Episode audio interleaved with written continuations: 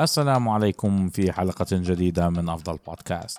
ها قد وصلنا وإياكم إلى الحلقة الأخيرة من سلسلة تقدم الفكر البشري.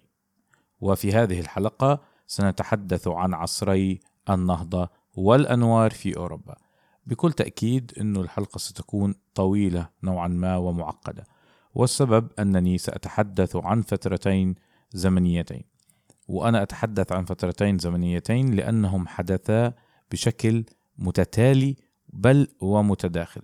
وما أعنيه أنه يعني الفترتين حصلوا بين القرن الخامس عشر وحتى البعض يقول الرابع عشر والقرن التاسع عشر. وحقيقة أنه أنا دمجت الفترتين في حلقة واحدة لأنه عصر الأنوار في أوروبا هو عصر التقدم الحقيقي. ومعظم المؤرخين الجدد في هذا العصر يقولون بأنه ليس هناك شيء اسمه عصر النهضة ك يعني كفترة زمنية فيها تقدم فكري رهيب. لكن هي فترة مهمة حصل فيها تقدم وسيكون لهذه الأفكار التي تستنتج عن هذه الفترة يعني بذور لعصر التنوير وما سيحدث من خلالها وفي عصر التنوير حقيقة سيكون التقدم الحقيقي وسنرى انعكاسات هذه الأفكار الجديدة على المجتمعات. يعني في عصر الأنوار لم تنعكس على المجتمعات تماما وحدثت في أماكن ضيقة نوعا ما.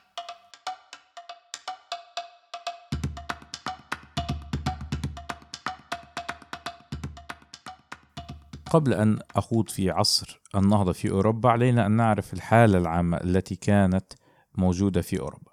فالكل يعلم أن العالم الإسلامي في ذلك الوقت كان يعيش يعني عصرا زهيا وهو العصر الذهبي. ولكن في نفس الوقت أوروبا كانت تعيش ما يسمى بالدارك إيجز العصور المظلمة. والسبب الرئيسي في ذلك هو صراحة العامل الديني أولا وثانيا لأنه طبعا بداية العصور أو عصر الدارك ايجز كان بدأ مع انهيار الإمبراطورية الرومانية ومن ثم وهذا شيء مهم جدا أنه القبائل الجرمانية والقبائل الأوروبية الأخرى استطاعت أن تسيطر على مقاليد الحكم في معظم أوروبا. ومعظم هذه القبائل كانت يعني غير يعني خلينا نقول مدنية وغير متطورة. ولم تولي اهتماما كبيرا للعلم. أصلا أوروبا عاشت حتى يعني تلك الفترات حتى في فقر نوعا ما يعني اقتصادها لم يكن كبيرا. ومعظم الأشياء اللي أنتم ستروها في أوروبا عندما تسافرون إليها أو يعني تروها في الأخبار حصلت في عصري النهضة والأنوار بشكل رئيسي. آه على العموم الكنيسة الكاثوليكية طبعا في ذلك الوقت طورت مؤسسة قوية من خلال الدولة البابوية. التي كان يعني لها أذرع تبسط سيطرتها في كل أوروبا سواء كان محاكم قوانين دينية بيروقراطية ضخمة حقيقة ورجال دين ومبعوثين في كل أرجاء القارة. هذا أدى إلى السطوة الدينية الكبيرة لهذه المؤسسة على الحياة العامة والاجتماعية بل وعلى الممالك والرؤساء أو الملوك في ذلك الوقت. ومن أثار التحكم السلبي للكنيسة على آه، دول أوروبا أنها كانت يعني لا تستطيع أن تقرأ في الفلسفة وفي العلوم لأنه الكنيسة قررت بأنه لا تخوض في الفلسفة اليونانية والرومانية القديمة اللي هم إرثهم التاريخي وذلك لأنه أصحابها كانوا كفرة وغير مسيحيين ومن ثم أنه اللاهوت يعني علم الدين المسيحي هو كافي بأن يكون يعني هو فيه كل الإجابات الفلسفية التي يعني يبحث عنها المفكرين. وشيء آخر أنه حتى العلوم التي يريد دراستها يعني خلينا نقول علماء الفيزياء وعلوم وعلوم الفلك وغيره كانوا بيقولوا لا ما إحنا عارفين كيف خلق الكون وعارفين إنه الشمس آه عفوا الأرض هي التي كانت مركز الكون وكل شيء تمام. فلا داعي للذهاب والخوض في تلك الأمور وطبعا لا تأخذوا عن المسلمين فلسفتهم أو علومهم لأنها طبعا علوم كافرة وهذه هي سواء كانت دولة أموية أو عباسية أو غيره كلها تعتبر أعداء للأمة المسيحية التي ستطلق البابا أو البابوية من خلالها يعني عدة حروب صليبية سواء بالمناسبة كان في فلسطين يعني يأخذوا ما يسمى بميت المقدس اللي هي القدس أو حتى أمام الدولة العثمانية أو غيره من الدول أو الدويلات الإسلامية والتي يعني منها الدويلات الموجودة في الأندلس.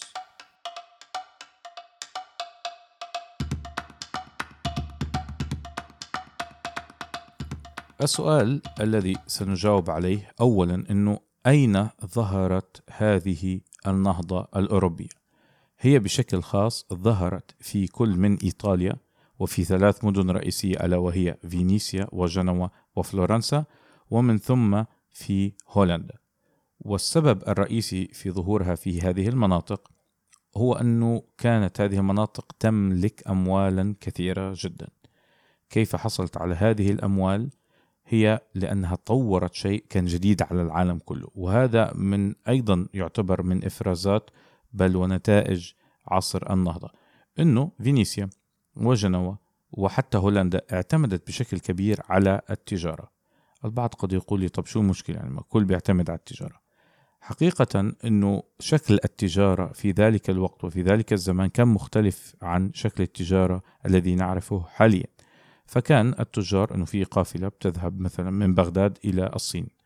تحمل معها بضاعة من الوطن العربي وتمر وقد تحمل يعني بعض يعني البضائع من الدول التي تمر فيها فارس الهند باكستان وغيره. ومن ثم تبيعها بالصين ومن خلال هذه الأموال تقوم بنقل البضائع إلى بغداد. في فينيسيا كان الوضع مختلف تماما. كونوا أقوى أسطول في العالم في ذلك الوقت وهو أسطول تجاري ضخم جدا وهذا الأسطول كان لا يبيع بالدرجة الأولى المنتجات التي تقوم بعملها فلورنسا أو فينيسيا. نعم فلورنسا كانت مثلا معروفة بتجارة القماش لأنه كانت ألوانها ساطعة وتدوم لفترة طويلة لكن هذا لم يكن هو السلعة الرئيسية. هم كانوا يذهبون مثلا إلى الصين أو إلى مثلا الدولة العثمانية ويشتروا منها المنتجات ومن ثم يبيعونها لباقي الدول الأوروبية. يعني هم كانوا وسيط. يعني هم كانوا ابتدعوا فكرة الاقتصاد المبني على الخدمة يعني ال service sector. وأيضا يعني فلورنسا بالذات وطبعا فينيسيا أيضا كونوا بنوكا وهي من أوائل البنوك في أوروبا بل وأهمها على إطلاق وأحد أهم هذه البنوك بنك عائلة ميديتشي وبنك فينيسيا العام. وهذا أيضا يعتبر أيضا قطاع خدمي مثل التجارة التي كانوا فيها وسطاء. وهذه التجارة أدت لشيء مهم جدا اللي هو الانفتاح على الدول والحضارات الأخرى.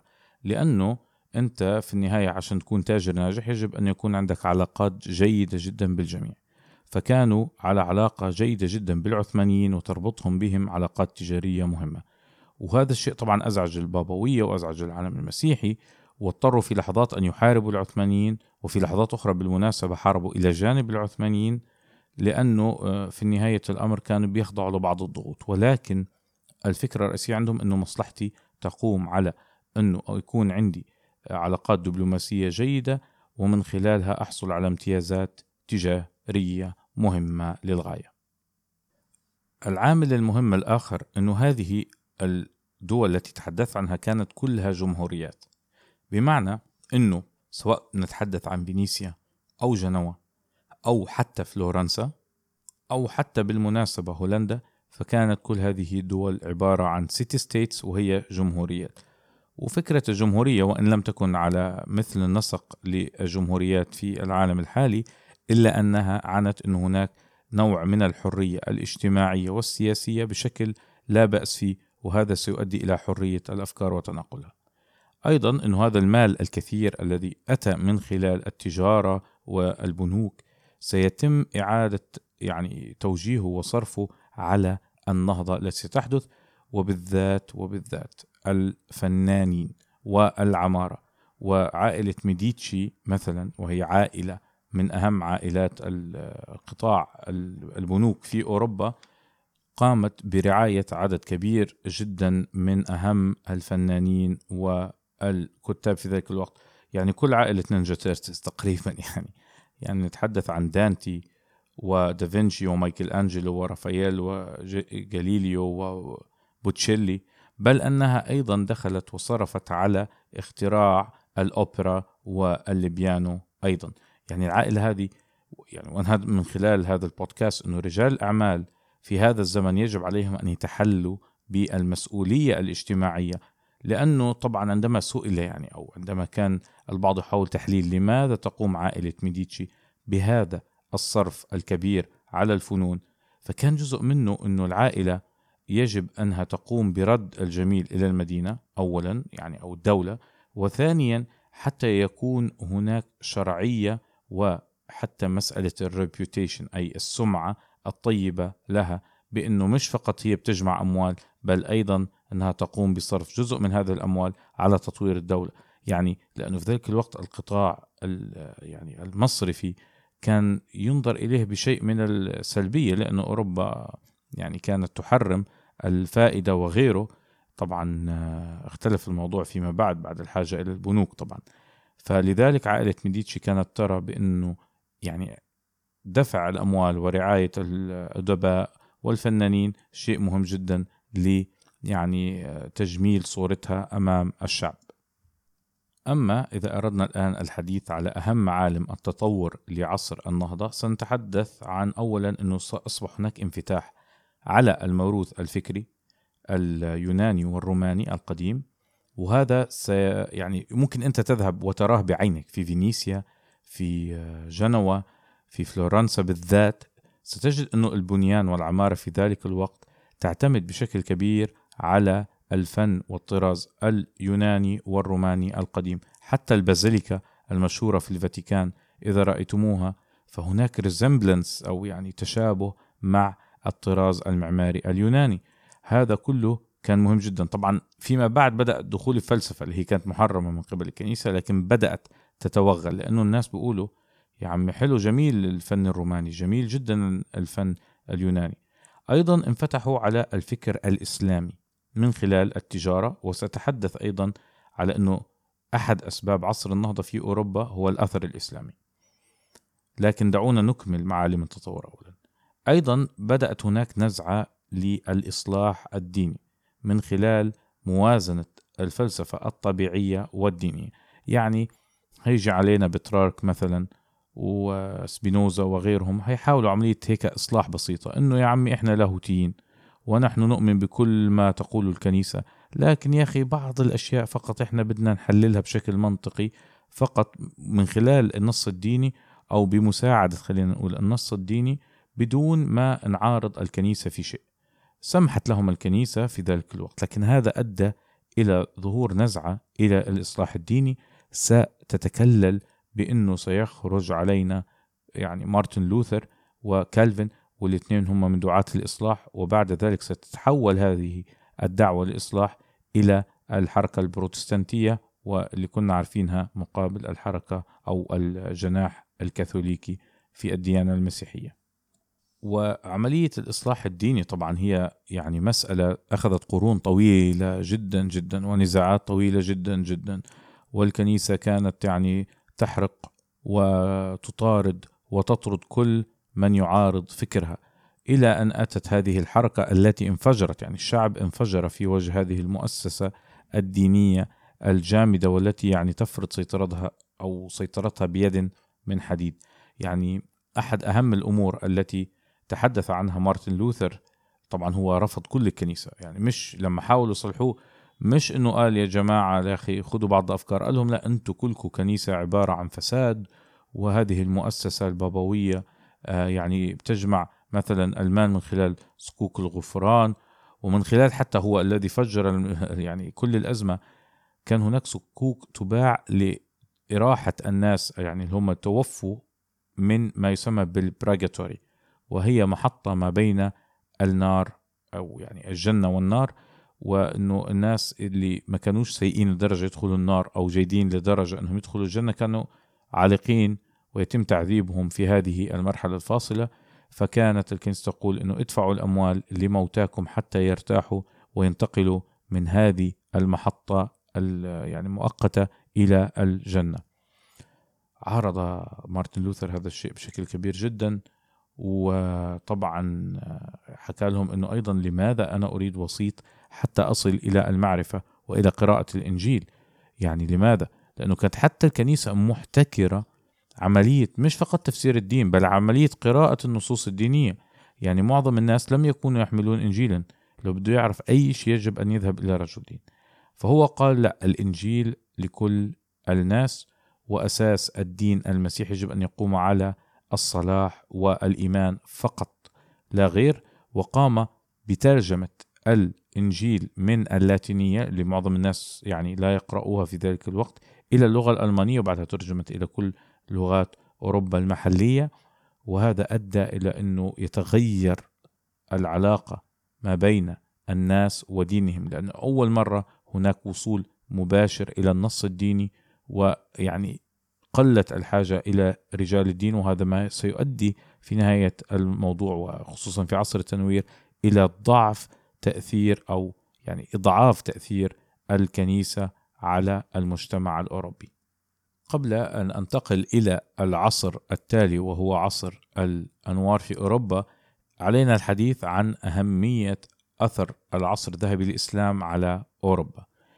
أولا يجب أن نعرف أنه كيف وصلت هذه العلوم إلى أوروبا.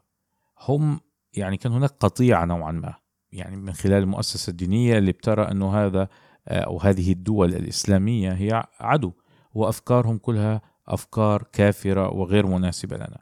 لكن اللي حدث أنه الأوروبيين سيقومون بالاحتكاك المباشر مع المسلمين من خلال أولا الأندلس وحتى ما يسمى بالريكونكيستا أي حروب الاسترداد الإسبانية لأنه سيجدون أنه العالم الإسلامي متطور عنهم بشكل كبير جدا. يعني لدرجة أنه كان هناك إعجاب كبير حتى عند المؤسسة الكنسية. وأنا قلتها في عصر النهضة أنه البابا سلفستر الثاني ذهب للدراسة في جامعة القرويين. يعني كان هناك تأثر أنه أو اعتراف في نهاية الأمر. الشيء الثاني أنه حتى خلال هذه الحروب وعندما استطاع القشتاليون أن يدخلوا إلى آخر الإمارات الإسلامية وهي في غرناطة وأنا بالمناسبة حتى زرت آه، إشبيليا وفي الكاسر وهو القصر الرئيسي الذي كان يحكم من خلاله المسلمون يعني مدينة إشبيليا وجدت أنه في بعض الأماكن في بدايات يعني مدخل القصر هناك يعني محاولة تكسير خلينا نقول وتشويه لبعض الكتابات العربية. ومن ثم انتهى ما فيش كل شيء تمام. يعني فقط في بداية المدخل هناك عمليات تكسير وتشويه. والذي حدث عندما سألت أنه قالوا لي أنه هناك الملك طبعا قبل أن يصل إلى القصر وجد أن جنوده يقومون بتكسير هذه العبارات باللغة العربية. بالمناسبة أسبانيا أصلا ستمنع تداول الكتب بالعربية لكن ليس قبل أن تقوم بعمل حتى قبل أن تسترد كل الأندلس عملت مدرسة توليدو للترجمة ترجمة كل العلوم الإسلامية إلى اللغات الأوروبية. ولكن عندما دخل الملك قال لهم شو بتعملوا؟ وعصب عليهم يعني وغضب بشكل كبير وقال لهم حتى لو كانت هذه النصوص دينية. خط كوفي جميل ومزين. هذا جمالية عليا. يعني رغم أنه هذا الرجل نفسه آه، عنصري جدا وسيقوم باضطهاد اليهود وسيقوم باضطهاد الغير كاثوليكيين وسيقوم طبعا بطرد وتهجير المسلمين والعرب ومنع كتبهم إلا أنه وقف أمام جمال الأندلس آه، ومدنها ولم يستطع أنه حتى يقوم بتدميرها من كثر ما هي جميلة. فهنا بنشوف الأثر الكبير يعني حتى عندما يكون هذا الشخص يعني في قمة عنصريته أو في قمة يعني خلينا نقول بدناش نقول كلمة عنصري على القرن السادس عشر والخامس عشر بس خلينا نقول على الانغلاق الفكري لأنه يعني وقف مذهولا أمام هذا الإنجاز الفريد. أيضا أحد خطوط التماس الرئيسية كانت جزيرة صقلية ورغم أن العرب لم يحكموها سوى تقريبا 150 عام من خلال الفاطميين إلا أن أثرهم سيكون كبير. وعندما سيقوم النورمانديون بالاستيلاء على صقلية يعني كان هذه سابقة بالمناسبة سيقوم حاكمها روجر الثاني بطلب أنه أبو عبد الله محمد الإدريسي بأن يبقى. تخيلوا بأن يبقى عنده ويشتغل في البلاط الملكي الخاص به وأن يقوم طبعا كلفوا بعدة مهام أحدها أنه يرسم خريطة للعالم. وأنا أدعوكم أنكم تذهبوا إلى جوجل وتنظروا تبحثوا عنها. يعني خريطة فيها يعني دقة كبيرة جدا. تتكلم في خريطة تقريبا عام 1200 ميلادي يعني أكثر من 900 عام تقريبا. يعني شيء مذهل للغاية. فهذا بيوريك بدأت عملية التأثر الكبيرة بالعالم الإسلامي وبالنهضة اللي حصل هناك. وبدأوا يدرسوا علومهم بشكل رئيسي من خلال يعني الأندلس وصقلية وحتى من خلال الدول أو الدويلات الصليبية التي بنوها في فلسطين وسواحل بلاد الشام. يعني في النهاية حتى لو كرهوا المسلمين عندما رأوا كل هذا التطور في النهاية أذعنوا أو يعني قبلوا عملية الانفتاح وهذا ما كانت تقول لهم فينيسيا أنه يا جماعة في هناك حضارات أخرى. هناك أفكار جديدة هم متقدمين عنا. التكنولوجيا يا جماعة وهذا الشيء في نهاية الأمر اخترق المجتمع الأوروبي وبدأوا يأخذوا منهم.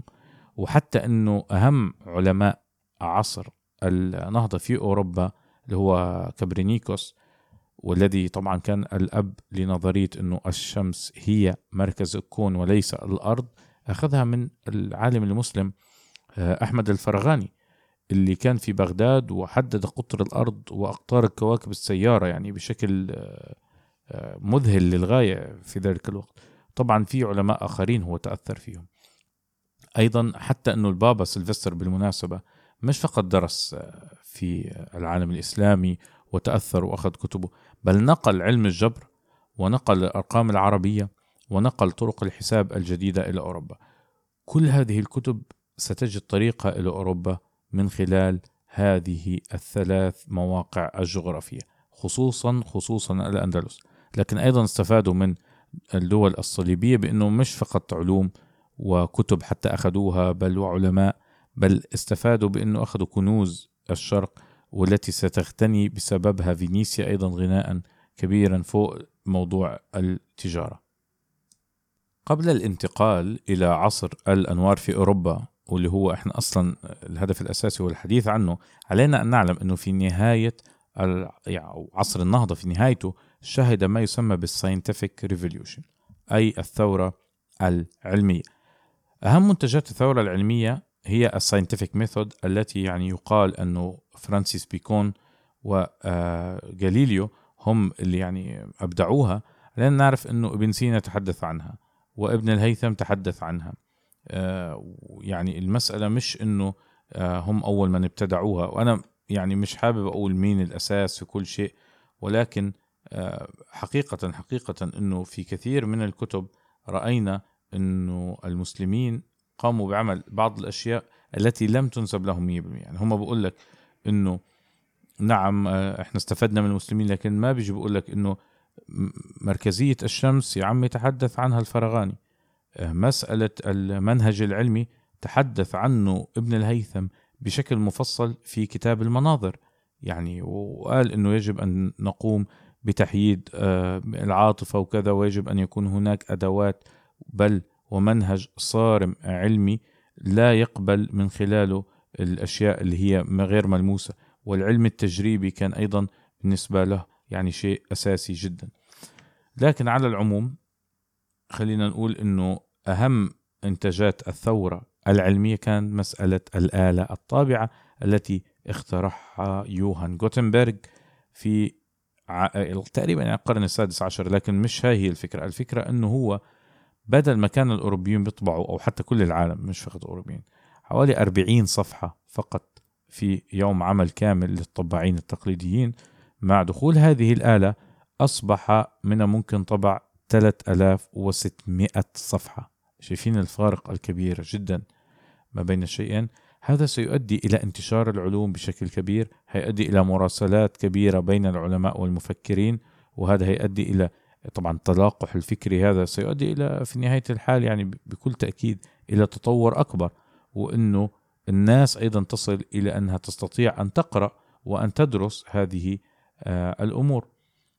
يعني حتى الإصلاح الديني لم يكن لينتشر لولا أنه مارتن لوثر استطاع أن يطبع كتبه ومنشوراته وأن تصل إلى عامة الشعب. من المهم جدا معرفة أيضا قبل أن ندخل إلى عصر التنوير بشكل كامل أنه في عصر التنوير كانت الصراعات ما بين المؤسسة الدينية الطبقة السياسية قد وصلت إلى ذروتها. هذا الشيء سيهمنا عندما نتحدث عن أهم الأفكار التي ستظهر في عصر التنوير.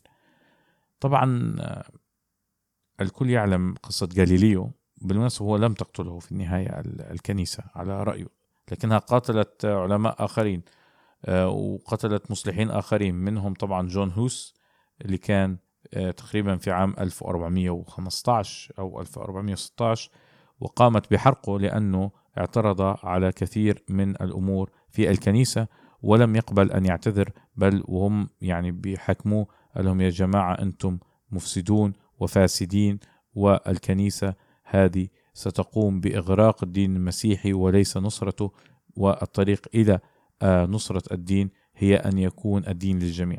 هو كان بيتحدث بشكل أساسي عن فكرة سيأخذها علماء الفلسفة ألا وهي الكنيسة كانت تقول أنه الطبقة النبيلة وطبقة الملوك أقرب إلى الله من العامة مثلا.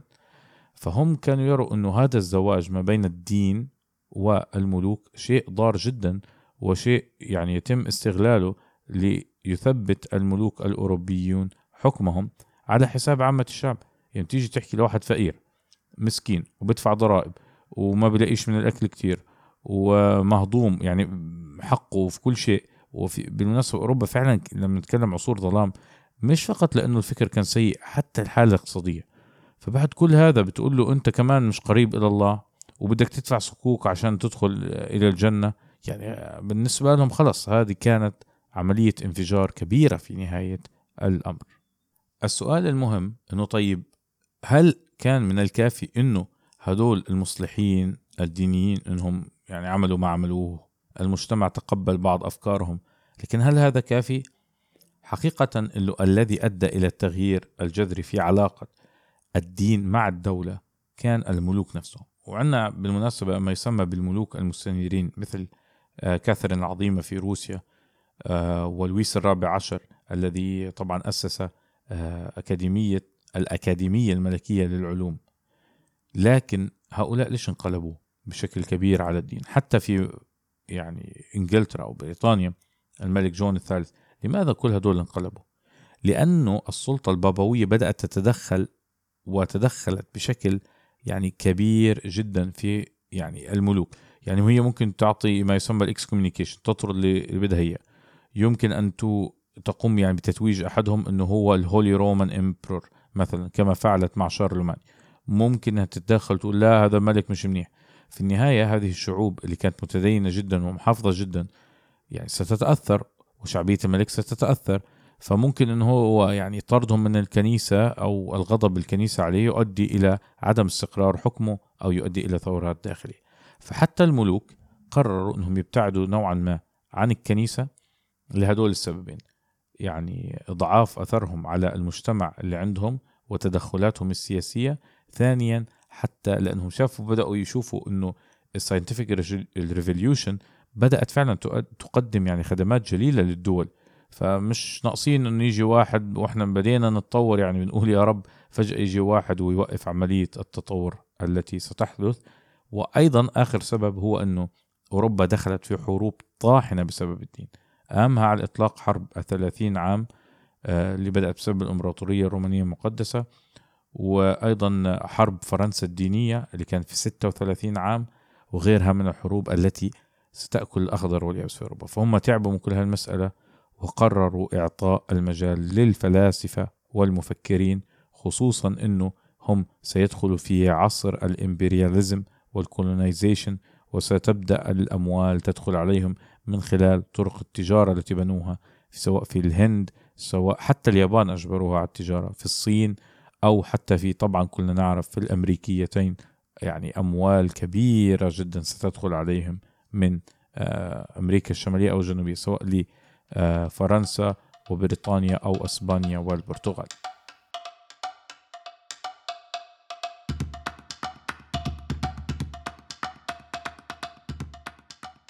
دعونا الآن نتحدث عن الأثر الرهيب والكبير الذي سيخرج من عصر التنوير في أوروبا واللي هذه الأفكار نعيش بها إلى اليوم وهي الأسس الكبيرة جدا لأكبر وأهم الدول مثل الولايات المتحدة فرنسا كل هدول حتى دساتيرهم ستأتي من هذه الفترة. وحتى أنه حقوق الإنسان المتبنى في الأمم المتحدة أيضا من هذه الفترة. فما هي أهم الأفكار وأهم علماء هذا العصر؟ سأتحدث عن يعني العلماء الذين أتوا أو ابتدعوا أفكار ومش كل العلماء لأنه الوقت لن يسعفنا. أبدأ بفرانسيس بيكون الذي تحدث عن الفلسفة الطبيعية والنهج العلمي. وأنا لن يعني أتحدث كثيرا الجميع شو عن نهج علمي لكن الفلسفة الطبيعية التي تحاول تفسير الكون من خلال الطبيعة في حد ذاتها وأنه محاولة مقاربتها نوعا ما مع الدين. بالمناسبة هناك يعني كلام أو شائعة أو معلومة خاطئة تقول أنه معظم هؤلاء المفكرين كانوا ملحدين يعني يضمرون الإلحاد لكن بيقولوا أنه إحنا آه، يعني أو خايفين من الكنيسة لكن هذا مش صحيح. الكثير من الفنانين والأدباء والكتاب كانوا مسيحيين ومتدينين بشكل كبير جدا. فمش لأنه هم تحدثوا عن بعض المواضيع آه، يقوم البعض بإلصاق تهم أنه هذا ملحد أو غيره. طبعا هو حر لو بده يكون ملحد لكن هذا مش حقيقي. لم يكونوا ملحدين. على العموم نعود. ريني ديكارد الذي أتى بنظرية الشك واكتشاف هندسة أو هندسة التحليل أو الهندسة التحليلية أيضا من أهم علماء ذلك الزمان لأنه مسألة الشك ماذا تعني؟ تعني بأنه ما في شيء مسلم. هذا شيء مهم جدا لأنه طوال أكثر من سبع قرون الأوروبي بيسمع أنه لا هناك شيء مسلم. المؤسسة الدينية تقول له هذا هو العلم. والشيء الغريب أنه أصلا أنت شو دخلك يعني تخيل أنه رجل دين عمره ما درس فلسفة ولا درس كيمياء ولا فيزياء ولا فلك يجي يقول لك إنه كون تكون بهذا الشكل. طبعا هذا الشيء هيحصل عندنا في العالم الإسلامي بالمناسبة في قرون لاحقة. يعني بتلاقي إنه رجل دين بيقول لك لا لا لا بالمناسبة الأرض مسطحة لا لا لا بالمناسبة الأرض هي مركز الكون لا الأرض لا تدور. يا أخي أنت شو دخلك؟ أنت شو عرفك؟ يعني شيء غريب جدا. فنظرية الشك عند ريني ديكارت تقول بعكس ذلك. أهم شيء في نظرية شك أنه لا شيء حقيقي مئة بالمئة إلا أنت. وذلك لأنك أنت تفكر وأنت تشك إذا أنت موجود. لكن عدا عن ذلك لا يوجد شيء مسلم به على الإطلاق وهذا سيؤدي إلى تطور الفلسفة وإنها تقوم بدراسة وبحث كل مناحي الحياة وكل الأفكار السابقة اللاحقة والحالية.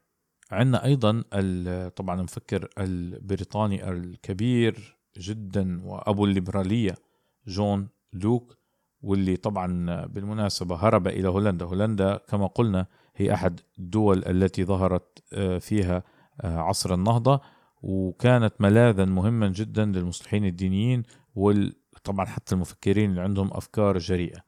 طبعا المسألة الليبرالية سواء أنا عارف بعض المستمعين يقولوا لي إحنا ضد أو البعض سيقول نحن مع بعيدا عن هذا وذاك. إنه كان بدافع عن الحريات. يعني فجأة من إنه الدولة اولا والمؤسسة الدينية بيقولوا لك ممنوع ممنوع ممنوع ولا شيء آه، يمكن أن تقوم به إلا بعد أنه إحنا نشرعه أو نراه مناسب ومعظم الأشياء إحنا مش شايفينها مناسب. فسيأتي هذا الرجل ويطالب بأشياء ليبرالية من خلال المؤسسة المدنية للدولة ومن خلال حتى موضوع الديني. ولذلك تم اضطهاده وطرده يعني من آه، بريطانيا ولكن سيعود في آخر حياته. عندنا أيضا الفيلسوف الفرنسي المهم جدا مونتسكيو الذي سيتحدث عن فصل السلطات إلى سلطة تشريعية سلطة قضائية وسلطة تنفيذية. وهذا من أهم اختراعات عصر التنوير. كل دول العالم الحديث الغربية تقوم على موضوع فصل السلطات وهو ما يؤدي إلى شفافية وقلة الفساد. مش إنه نفس الشخص اللي بحط القوانين هو نفسه بنفذها وهو نفسه الحكم يعني القاضي. لا يجوز. يعني تركز السلطات دائما في يد جهة واحدة يؤدي إلى الفساد ويؤدي إلى الطغيان. الشيء الثاني أنه طبعا هو وضع آه، كتاب مهم جدا يسمى روح القوانين الذي يحاول من خلاله أيضا تفسير عادات الشعوب ونمط الحياة وغيره. فهو بيتكلم إنه الطبيعة تؤثر فيك الجغرافيا تؤثر فيك الدين يؤثر فيك كل شيء يؤثر فيك. فمسألة إنه نوصم الناس بشيء معين غير صحيح على الإطلاق وإنه نوصم الناس بإنه هم هيك لأنهم همج أو لأنهم فاشلين هذا مش صحيح. البيئة تؤثر فكان بيتحدث إنه مثلا في العالم العربي البيئة حارة فطبعا الناس هي دمهم حامي يعني عصبيين وغيره. في الشمال بتلاقي إنه يعني هناك برودة شديدة في الجو. يعني هو بيتكلم شوف على الطبيعة. طبعا هو تحدث عن أمور أخرى. أنا فقط بعطيكم يعني مثال. هتلاقي إنه الناس هناك أكثر ادبا ولطفا في الشمال ويقصد هنا السويد وهولندا وغيره لأنه يعني عندهم الاحتكاك ضعيف في بعضهم البعض واجتماعات شوي أقل. يعني بسبب الجو تخيلوا بسبب الجو. بعد ذلك سنتحدث عن آدم سميث اللي هو أبو الرأسمالية وكتابه المهم Wealth of Nation الذي سيؤدي إلى تطور الشكل الاقتصادي في العالم كله. الجميع يعلم يعني شو رأسمالية فأنا لن أدخل في شرح هذا الموضوع. وبالمناسبة هو اسكتلندي وليس أمريكي. صح أنه أمريكا يعني قائمة وتبنت هذا الفكر الرأسمالي وصحيح أنه أيضا بالمناسبة دستورها يقوم على أفكار مونتسكيو الفرنسي إلا أنه هم فرنسي والآخر إسكتلندي. عندنا أيضا جون جاك روسو صاحب كتاب العقد الاجتماعي والذي يبحث أفضل طريقة لإقامة مجتمع سياسي في مواجهة مشاكل المجتمع. وعنده أيضا مقال في الظلم وهو بيسميه Discourse of Injustice يعني. فأنا مش عارف الترجمة العربية الصحيحة. 100% أنا قرأته باللغة الإنجليزية حقيقة. والكتاب مهم جدا لأنه بيتحدث أنه الظلم الذي يقع على المواطن الأوروبي غير معقول. يجب أن تكون الدولة حامية له وتحترم يعني كرامته وإنسانيته. طب شوف يعني كل هذه الأفكار هي التي نعيش فيها اليوم حقيقة وكلها أفكار نبيلة للغاية يعني.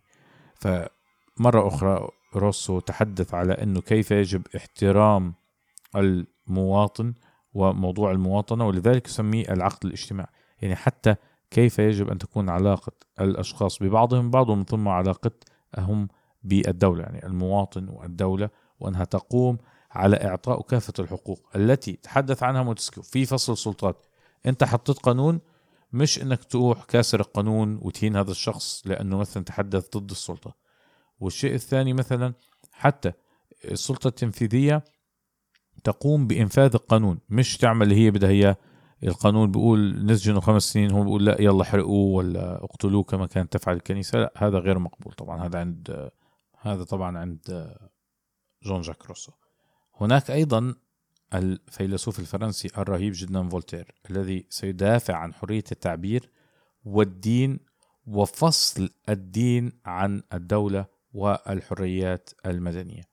طبعا مسألة فصل الدين عن الدولة ما الذي يعني؟ يعني الدولة المدنية الحقيقية التي تقف على مسافة واحدة من جميع مكونات الشعب. فرنسا عانت بشكل كبير جدا من مسألة التمييز الديني، دخلت في حروب يعني في فترة واحدة دخلت 36 عام في حرب ما بين الكاثوليك والبروتستانت. يعني الحل ماذا؟ إنه أن تنتصر إلى الكاثوليك لا ما في وهم الأغلبية طبعا في فرنسا هذا ليس حلا يجب أن يحس ال البروتستانتي أيضا بأنه مواطن وله حقوق وله احترام لهذه الحقوق وأن يمارس دينه بدون ما حد يقوم بإزعاجه. طبعا هذه الفكرة كانت يتبناها المسلمون في العصر الذهبي ولكن بدون ما يقومون بتعريفها بشكل فلسفي كما فعل فولتير. يعني فولتير وروسو وغيره هذه الأفكار النبيلة قاموا بنظمها ووضعها بشكل منهجي كي تصبح وثيقة يمكن الاعتماد عليها وليس فقط شيء نظري يتم احترامه. أيضا عندنا ديدرو آه، وهو فيلسوف فرنسي آخر. طبعا أنتم بتسمعوا كثير فرنسيين لأنه فرنسا كانت هي بلاد عصر التنوير. عصر النهضة إيطاليا وهولندا عصر التنوير فرنسا بالدرجة الأولى ومن ثم ألمانيا وإنجلترا بدرجة ثانية. ديدرو نشر الموسوعة في عام 1751 والموسوعة هي محاولة. طبعا صار في آلة طباعة فهو انشر. وهذا الشيء طبعا جيد جدا للسكان. الموسوعة كانت تحمل كل شيء. طبعا إحنا كلنا نعرف يعني إيش موسوعة و encyclopedia آه، في ذلك الوقت كانت هي شاملة لكل المواضيع. الآن أصبح في موسوعة لكل شيء مع توسع العلوم وتخصصها. لكن هذه كانت محاولة ذكية بالمناسبة جدا من ديدرو بأنه ينشر موسوعة لتثقيف الناس وأنهم يعرفوا مدى الاكتشافات الجديدة التي قامت في تلك الفترة الزمنية. أيضا انتشرت في أوروبا بسبب كل هؤلاء العلماء والفلاسفة والمفكرين آه، صالونات أدبية المقاهي الأكاديميات العلمية. آه، طبعا مع مع انتشار الآلة الطابعة بدأ هناك طباعة كتب جرائد مناشير. آه، كل هذا يعني كان مهم جدا في صعود التنوير ووصوله إلى المجتمع. لأنه في النهاية أنا ممكن أتحدث وأعطيكم أهم الأفكار يعني أنا عندي بودكاست. ولنفترض افتراضا أنه العبد الفقير لله أنه ذكي جدا وقام بإنتاج أفضل الأفكار التاريخية لتطوير الفكر البشري لكن ما الفائدة إذا لم ينتشر هذا الموضوع؟ وجود الآلة ووجود أيضا تواصل ما بين المفكرين بشكل مباشر وحقيقي وتقبلهم لأفكارهم آه، وأنه كيف نصل للفكرة الحقيقية وبدون ما يكون هناك يعني اعتداء من أحد على الآخر أو تدخل السلطة وانحيازها لفكرة ضد الأخرى. هذا شيء مهم جدا. هذا جو الانفتاح والنقاش المحترم والراقي والذي كان في كثير من الأحيان عن طريق مناشير تؤخذ وترد أو من خلال مقالات تنشر في الجرائد العامة. كان كل هذا من أشكال التطور الحقيقي للفكر البشري.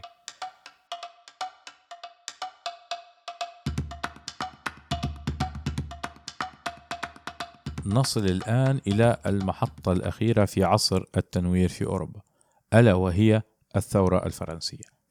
الثورة الفرنسية ليش مهمة؟ ما حصلت عديد من الثورات حصلت في بريطانيا ثورة وحصلت في هولندا ثورة وحصل في ألمانيا أو بروسيا في ذلك الوقت ثورة.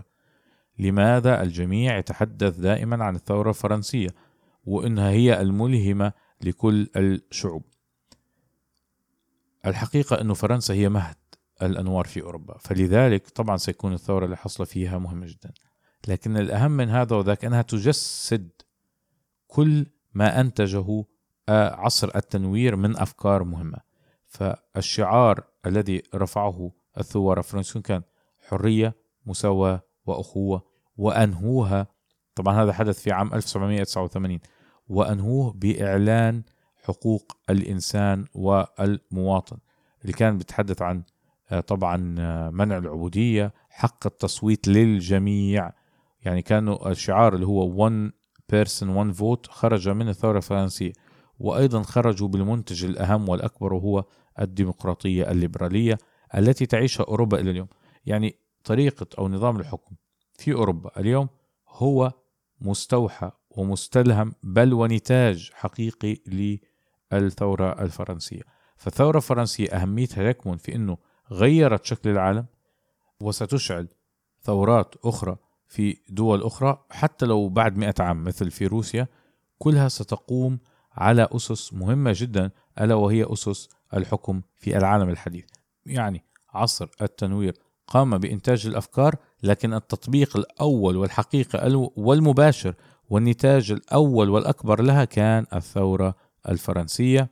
والبعض يقول طبعا أنه الثورة الأمريكية التي كانت ضد بريطانيا لكنها كانت شوي مختلفة يعني حافزها مختلف. هنا لا حافزها داخلي لتغيير شكل المجتمع ونظم الحكم فيه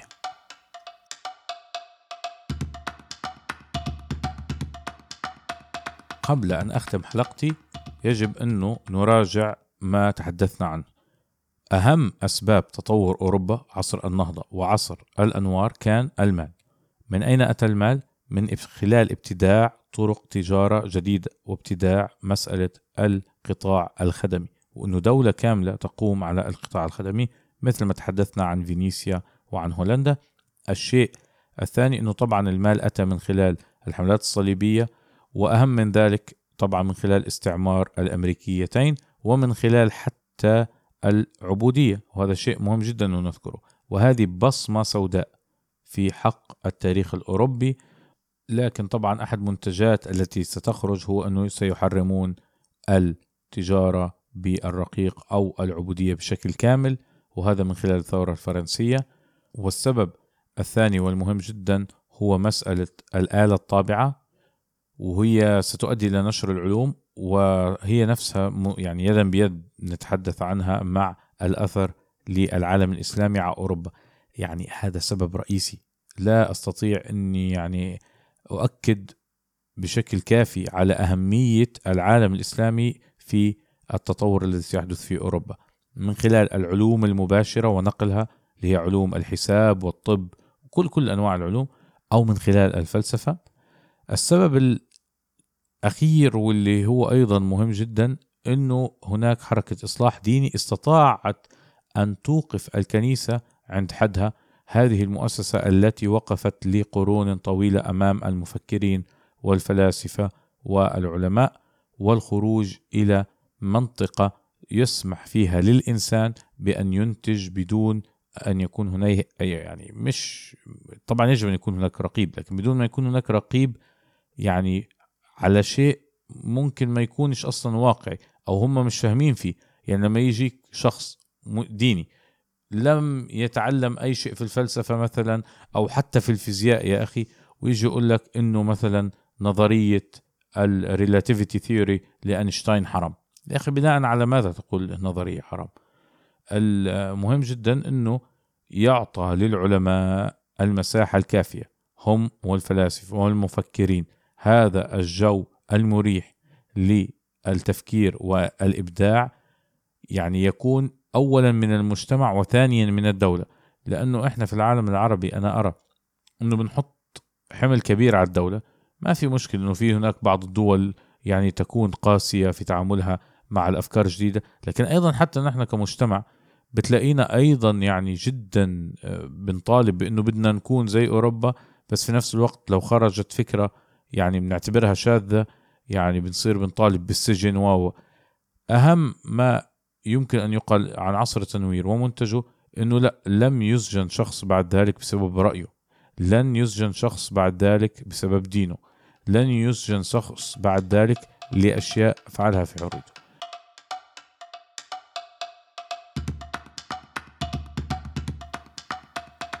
بهذا نصل إلى نهاية الحلقة. ونصل أيضا إلى نهاية سلسلة تقدم الفكر البشري واستفدنا منها الكثير من الدروس والعبر في كيف تطورت أمم ووصلت إلى مراحل عليا في أفكارها وكيف أنها أسهمت في المنتج العالمي والإنساني الذي نعيشه اليوم. إذا أردنا أن نلخص كل السلسلة أهم ما نستطيع أن نتحدث عنه أنه المال مهم جدا ولذلك العمل على الاقتصاد يعني يجب أن يكون أولوية. الشيء الثاني المراكمة الفكرية والانفتاح على الحضارات الأخرى ومنتجاتها الفنية والفكرية والمعمارية والفلسفية ومناقشتها بعقلانية كبيرة يعني مش شرط أنك تاخدها أنت 100% لكن أن يتاح هذا النقاش يعني المشكلة ليست في قبول أو رفض فكرة المشكلة في إنه في بعض الأحيان يتم رفض نقاشها أصلا إنه يقول لك حرام نقاش هذه القضية أصلا ما تتكلموش عنها. أو اللي بيتحدث عنها أكيد هو إنسان ضال و و لا. يجب أن يكون هناك مساحة من الحرية لمناقشة الأفكار. هل كل أفكار عصر التنوير يعني وصلت أو يعني استفاد منها العالم؟ لا. بعضها تم إهماله ويعني رميه. اليابان اللي تطورت بشكل كبير جدا هل أخذت كل أفكار عصر التنوير 100% لا. بعض الأحيان أخذتها ونفذتها في سياقها الياباني وفي بعض الأحيان أصلا في أفكار رفضتها تماما وفي أفكار حتى أوروبا رفضتها. الشيء الثالث عاد والمهم جدا في حركة التنوير لأي عصر أنه يجب أن هناك رعاية للأدب رعاية للمفكرين رعاية للفنون وتقبل المجتمع لهذه الفنون ولهذه الأفكار وهذه المنتجات. يعني بدون ما يكون هناك توجه حقيقي لرعاية العلم أيضا يعني إذا أنت ما عندك جامعات قوية ولا تملك مؤسسات فكرية قوية ولا تملك مؤسسات مهمة لجمع العلماء وتواصلهم وتلاقح الأفكار يعني يجب أن يكون هذا البلاتفورم متوفرا بحده الأدنى لكي ينتج عنه يعني ملاقحة فكرية مهمة ينتج عنها أفكار إبداعية جديدة ومفيدة مش فقط لمنطقتك ولدولتك بل للعالم كله. وفي كثير من الأحيان هذه الأفكار تكون يعني حدودها هو الكون وليس المكان الذي ستخرج منه. بذلك أختم حلقتي. شكرا لكم على الاستماع لهذه السلسلة. وانتظرونا مع أفضل بودكاست في حلقات ومناقشة قضايا مهمة. شكرا لكم ونراكم في الحلقة القادمة.